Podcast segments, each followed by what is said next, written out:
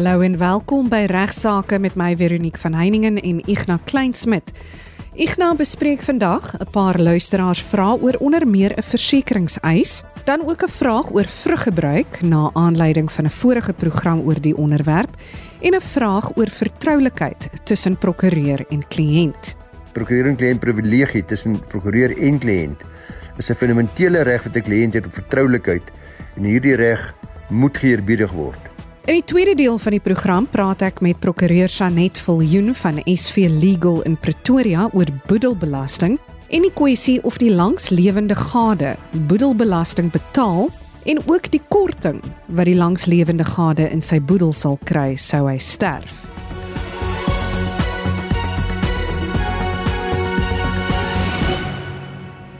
Ignas Kleinsmid bespreek nou 'n vraag wat hy van Grobler Fourie ontvang het in verband met 'n versekeringseis. Ja, dag sê aan almal wat ingeskakel is. Dankie dat u weer bereid is om te luister na regsaake en soos altyd beloof ek om my bes te probeer om dit vir u so interessant as moontlik te maak. Meneer Fourie Grobler van Pretoria het geskryf as volg. Hy sê ek, ek het versekerings gehad wat my teen skade voorspruitende uit motorbotsings gedek hou. Ek was toe in 'n motorongeluk betrokke wat nie my skuld was nie. Die versekeringsmaatskappy het die paneelkloppers betaal en ek moes 'n bybetaling maak. Na 'n tyd het 'n prokureur my gekontak en verduidelik dat hy 'n opdrag van die versekeringsmaatskappy dagvaarding uitgereik het in my naam as eiser dat ek 'n verklaring by hom moet kom aflê. Ek ken glad nie die prokureur nie, want ek weet waarom 'n prokureur van my keuse nie die saak kan hanteer nie. Nou ja, meneer Fourie Grobler, eerstens moet ek julle daarop wys dat as die versekeringsmaatskappy u eis betaal, dan neem hulle volledige sessie van u moontlike vorderingsreg teen die ander party, in hierdie geval die skuldige party. Hulle kom dus in u plek, dis 'n leerstuk van subrogasie. In hierdie geval uh, is dit een van die uitsonderings op die algemene reël. Daar's 'n kontrak tussen jouself en die versekeringsmaatskappy soos dit vervat is in die polis wat jy uitgeneem het.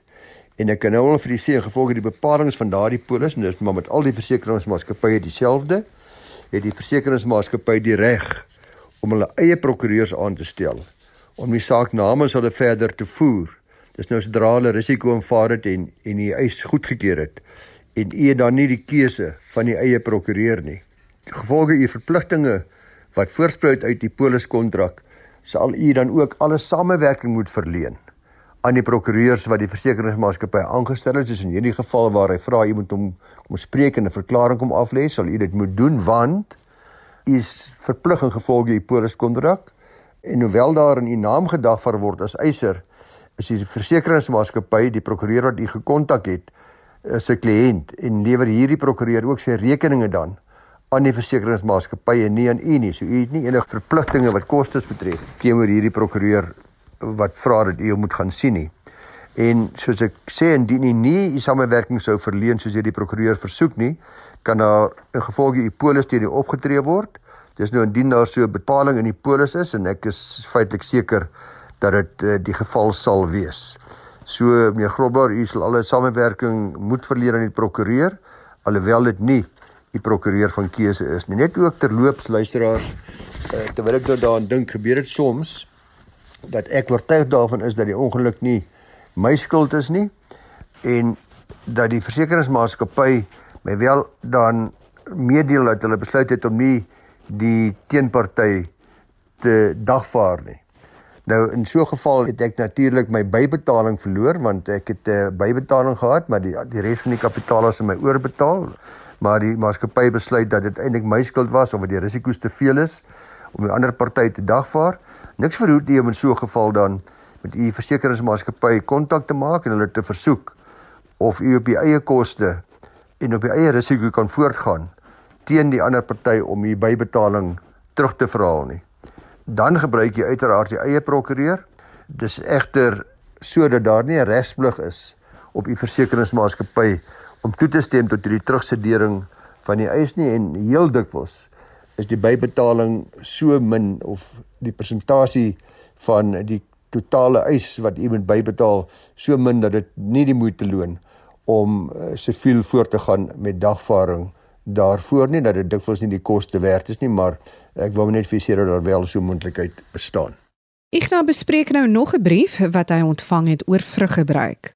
Kry kort skrywe van af meneer Jan Volskenk. Ek sien hy noem my geagte Ignas Klein Schmidt. Ek gee glad nie om nie, ek is 'n Klein Schmidt.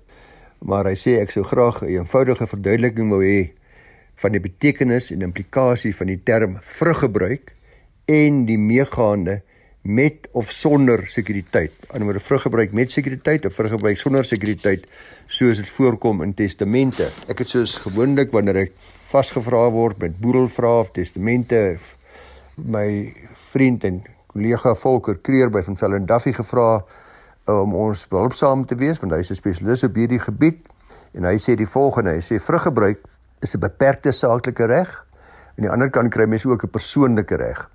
Die verskil dan tussen 'n saaklike reg en 'n persoonlike reg is dat 'n mens 'n saaklike reg teen alle ander partye kan afdwing en 'n persoonlike reg slegs teen 'n persoon of soms teen persone. As jy byvoorbeeld die eiendomsreg in 'n stuk grond hou, dan kan jy daardie eiendomsreg teen alle derde partye afdwing, insluitende byvoorbeeld plakkers wat sonder die toestemming op die grond kom woon. 'n Persoonlike reg kan weer slegs afgedwing word teen die persoon wat die spesifieke reg aan jou verleen het of wat jy as gevolg van 'n sekere regsbeginsel teen die persoon kan afdwing. As jy byvoorbeeld 'n koopkontrak teken om 'n stuk grond van iemand te koop, dan verkry jy 'n persoonlike reg in die vorm van 'n kontraktuele reg om van die verkoper te eis dat hy daardie grond aan jou moet transporteer. Daardie eis vir die oordrag van die grond kan jy uiteraard nie teen ander partye behalwe die verkoper afdwing nie. Dis met ander woorde 'n persoonlike reg. Dieselfde geld byvoorbeeld vir 'n kind wat onderhoud van sy pa kan eis dis ook 'n persoonlike reg wat die kind slegs teen die pa kan afdwing, dis 'n meerderjarige kind. Dan kry mense ook beperkte saaklike regte wat 'n soort onderafdeling van 'n saaklike reg is. 'n Voorbeeld van 'n beperkte saaklike reg, dis kom ons nou by die antwoord, is vruggebruik. As die man byvoorbeeld sy plaas aan sy seun wil bemaak, maar daarom ook vir sy vrou wil sorg vir die res van haar lewe, sal hy byvoorbeeld die plaas in sy testament bemaak aan sy seun onderhewig aan 'n vruggebruik ten gunste van sy goeie vrou.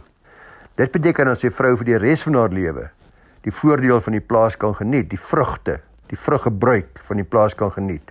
Wanneer sy dan eendag te sterwe kom, dan verval die vruggebruik en word haar seun outomaties dan die volle eienaar daarvan. Hierdie saaklike reg, vruggebruik is dus beperk in die sin dat dit onderhewig is aan die bloot eiendomsreg, soos ons dit noem van die seun met ter tyd. 'n Bloot eiendomsreg is 'n eiendomsreg onderhewig aan 'n vruggebruik maar na verval van die vruggebruik 'n behoorlike eiendomsreg word. Nou hierdie verduideliking vandag luisteraars is dalk 'n bietjie akademies, maar ek dink hooplik vind jy dit interessant en hooplik help dit dan ook spesifiek vir meneer Volskenk om die term beter te verstaan. Maar met 'n vruggebruik skei 'n mens dus die genotte gebruik van die grond van die bloot eiendomsreg daarvan. Dit beteken in praktyk bloot dat die vruggebruiker die eiendom redelik moet gebruik. Dis nogal belangrik om hierdie deel te beklemtoon dat 'n vruggebruiker nie net sommer die huise wie plase wat ek nog kan gebruik na hartelus nie. Dit moet gebruik word op 'n redelike wyse om te sorg dat die eiendom na verstryking van die vruggebruik, eh, byvoorbeeld by afsterwe, in 'n redelike toestand aan die houer van die bloot eiendomsreg in hierdie geval die seun oorgedra kan word. Nou wat kan 'n erflater nou doen as hy of sy nou dalk bekommerd daaroor is dat die vruggebruiker die bate nie redelik gaan gebruik nie en dat dit dalk in 'n slegte toestand aan die blooteienaar oorgedra gaan word na die verval van die vruggebruik.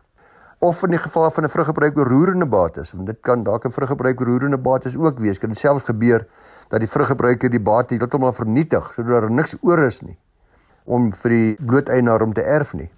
So as die erflater byvoorbeeld wil hê dat sy seun sy Mercedes erf, Maar hy wil ook hê dat sy tweede vrou daarom vir ten minste 2 jaar na sy afsterwe die motor kan gebruik.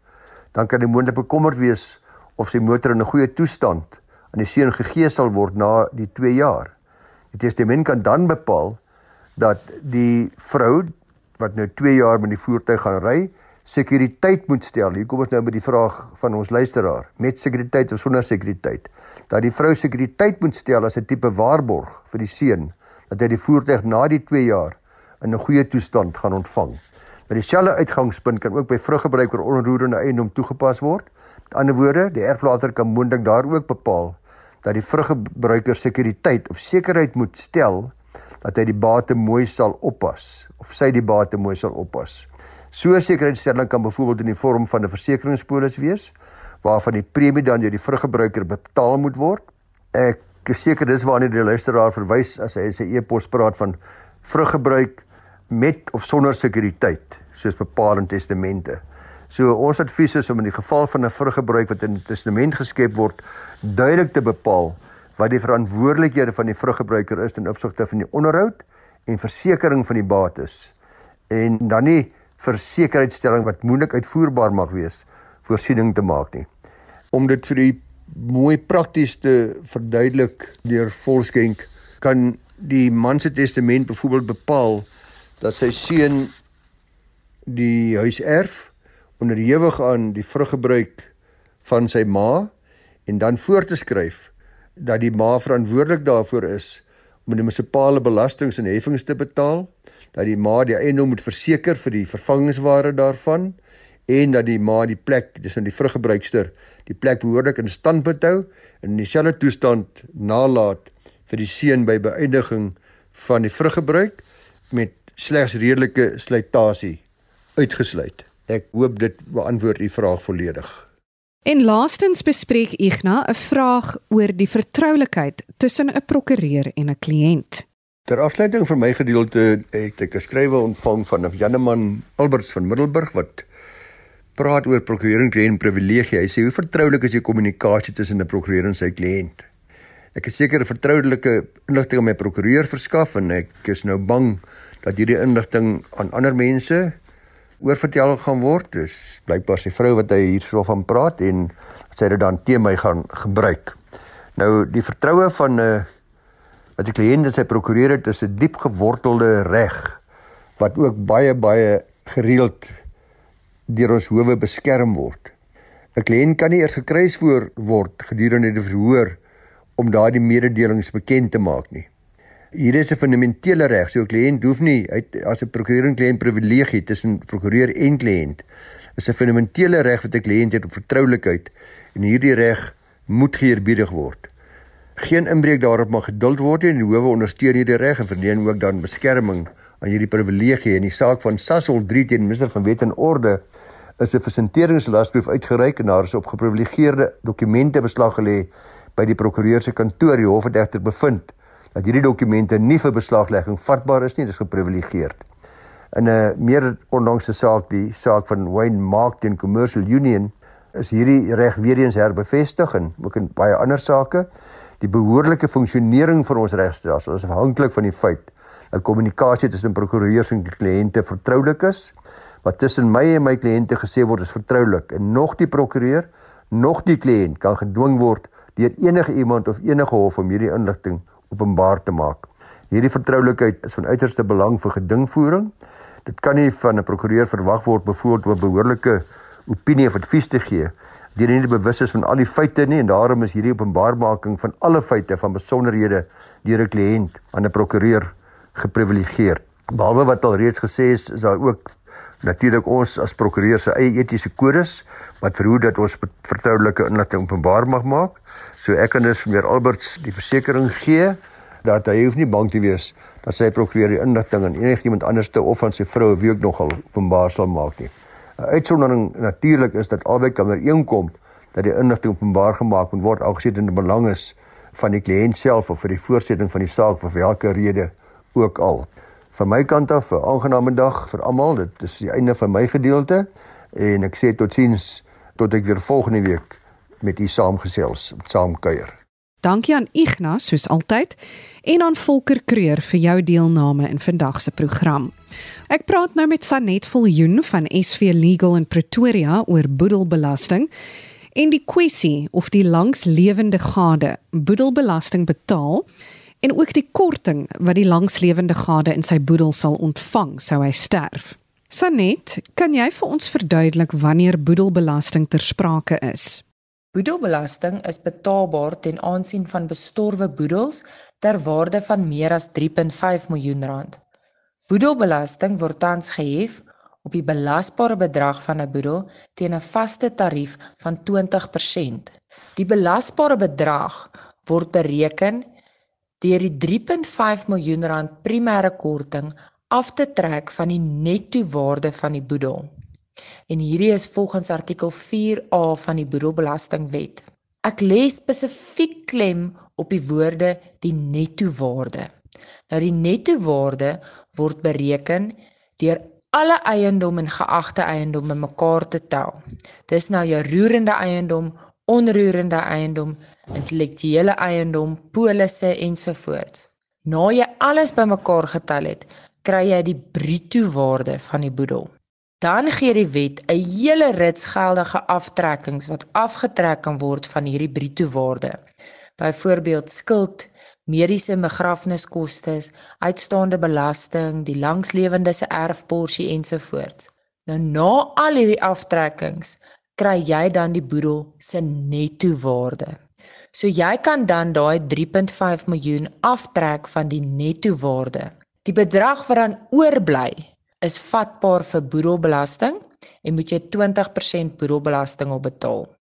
Sanet, indien die langslewende gade alles erf, sal die persoon aanspreeklik wees vir die betaling van boedelbelasting. Die goeie nuus is, waar die langslewende gade alles erf, is daar geen boedelbelasting hoegenaamd betaalbaar nie. Ook nie kapitaalwinsbelasting nie. Die boedelbelasting en kapitaalwinsbelasting kom wel ter sprake wanneer die langslewende gade oorlede is. As die langslewende gade nie alles erf nie, sal die gedeelte wat die langslewende gade erf, deel vorm van die aftrekkings waarvan ek net nou gepraat het. Met ander woorde, daardie gedeelte wat die langslewende gade erf, word afgetrek vanaf die bruto waarde van die boedel om sodoende dan die netto waarde uit te werk. Nou hoe werk boedelbelasting korting? indien die langslewende gade sou sterf. Ons het in die begin genoem dat artikel 4A van die boedelbelastingwet bepaal dat ons 3.5 miljoen rand kan aftrek van die belasbare bedrag. Ons het ook genoem dat die langslewende gade wat alles erf, nie boedelbelasting betaal nie. So wat gebeur nou as die langslewende gade op die ou end ook sterf? Sedert 1 Januarie 2010 word in artikel 4A2 bepaal dat indien 'n oorledene 'n vooroorlede gade gehad het, hy of sy boedel geregtig is op 'n korting van 3.5 miljoen rand plus dan die 3.5 miljoen rand uit die boedel van die vooroorlede gade. Daarna minus ons die netto waarde van die boedel van die vooroorlede gade wat afgetrek is van die artikel 4A korting. Om dit eenvoudig te stel, as jy al jou bates aan 'n gade bemaak, bemaak jy ook jou individuele vrystelling aan daardie persoon. By die sterfte van daardie oorledene gade, is sy of haar eie individuele vrystelling van 3.5 miljoen rand geldig en ook die oorgeerfde deel van die vorige gadesin. 'n Netto boedel van tot 7 miljoen rand kan dus so vry van boedelbelasting oorgaan. Dit is ook die perk en die vrystelling kan nie akkumuleer met opvolgende huwelike nie. So elke keer as jy trou, is dit nie nog 'n 3.5 miljoen rand by en nog 'n 3.5 miljoen rand by nie. Die oordra van die vrystelling is beperk tot een vooroorlede gade al was die oorledene in meer as een huwelik of kwalifiserende verhouding. Sanet, kan jy moontlik voorbeelde noem van hoe hierdie korting dan in die praktyk uitgewerk word? Betty sterf op 1 Julie 2012. Haar man is vooroorlede gedurende 2002. Hy het kontantlegate ter waarde van 1 miljoen rand aan instansies bemaak en die restant aan Betty bemaak. Betty se boedel is dus geregtig op 'n korting van 3.5 miljoen rand plus die 3.5 miljoen rand korting van haar man se boedel minus dan die 1 miljoen rand kontantlegate aan verskeie instansies. 6 miljoen rand korting bly dan oor in haar boedel waarop sy nie boedelbelasting betaal nie. Voorbeeld nommer In gevalle waar daar meer as een vooroorlede gade is, het die eksekuteur die keuse om die netto waarde van enige van die vooroorlede gades se boedel wat afgetrek is teen die artikel 4A korting te gebruik. Hier volg 'n voorbeeld van so 'n geval. Corneille is oorlede. Corneille was getroud met Dani wat in 2010 oorlede is en ook met Piet wat in 2018 oorlede is. Die netto waarde van Dani se boedel was R750 000. Om die belasbare bedrag van Dani se boedel tot 0 te verminder, was R750 000 se korting in sy boedel gebruik. Die netto waarde van Piet se boedel was 2.5 miljoen rand. Om die belasbare bedrag van Piet se boedel tot 0 te verminder, was 2.5 miljoen rand van sy korting in sy boedel gebruik. Die eksekuteur van Corneille se boedel het nou die keuse om die 7 miljoen rand korting in terme van artikel 4A2 te verminder met die 750 000 rand korting wat klaar deur Dani se boedel gebruik was of om dit te verminder met die 2.5 miljoen rand se korting wat in Piet se boedel gebruik was. Jy trek dan daardie reeds benutte korting van die vorige gade af Dis klaar gebruik en die korting wat oorbly kan gebruik word in die oorledene se boedel. So in hierdie voorbeeld sal die eksekuteur eerder Dani se 750 000 rand korting wat klaar gebruik was aftrek en Corneille se boedel kan dan die oorblywende 2 750 000 rand se korting in haar boedel gebruik. En dan laastens Hoe gemaak indien 'n persoon tot sterwe kom en hy of sy niks besit nie? 'n Klein boedel word kragtens artikel 18.3 van die boedelwet hanteer. Die totale markwaarde, let wel nie die versekeringswaarde nie, maar die markwaarde van die oorledene se bates op datum van sy afsterwe moet minder wees as R250 000 om as 'n klein boedel te kwalifiseer. Die meester bemagtig dan iemand deur 'n formele magtigingsbrief om beheer oor die boedelbates te neem. Daar is dus geen eksekuteur in so klein boedel nie. Hierdie persoon moet dan die oorledene se skuld met die boedelbates delg en dan eiendomsreg van die restant van die boedel aan die erfgenames oordra. Dit word gedoen volgens die oorledene se testament of intestate erfreg. As jy aangestel is as die gemagtigde van so klein boedel, kan jy self die boedel by die meester aanmeld. Dit kan aanlyn gedoen word by www.justice.gov.za vorentoe skynstreep master. Behalwe die testament wat ingehandig moet word, moet daar ook 'n inventaris van die oorledene se bates en skuld by die meester ingehandig word. Hierdie inventaris moet die waarde van elke bate aandui by die datum van afsterwe.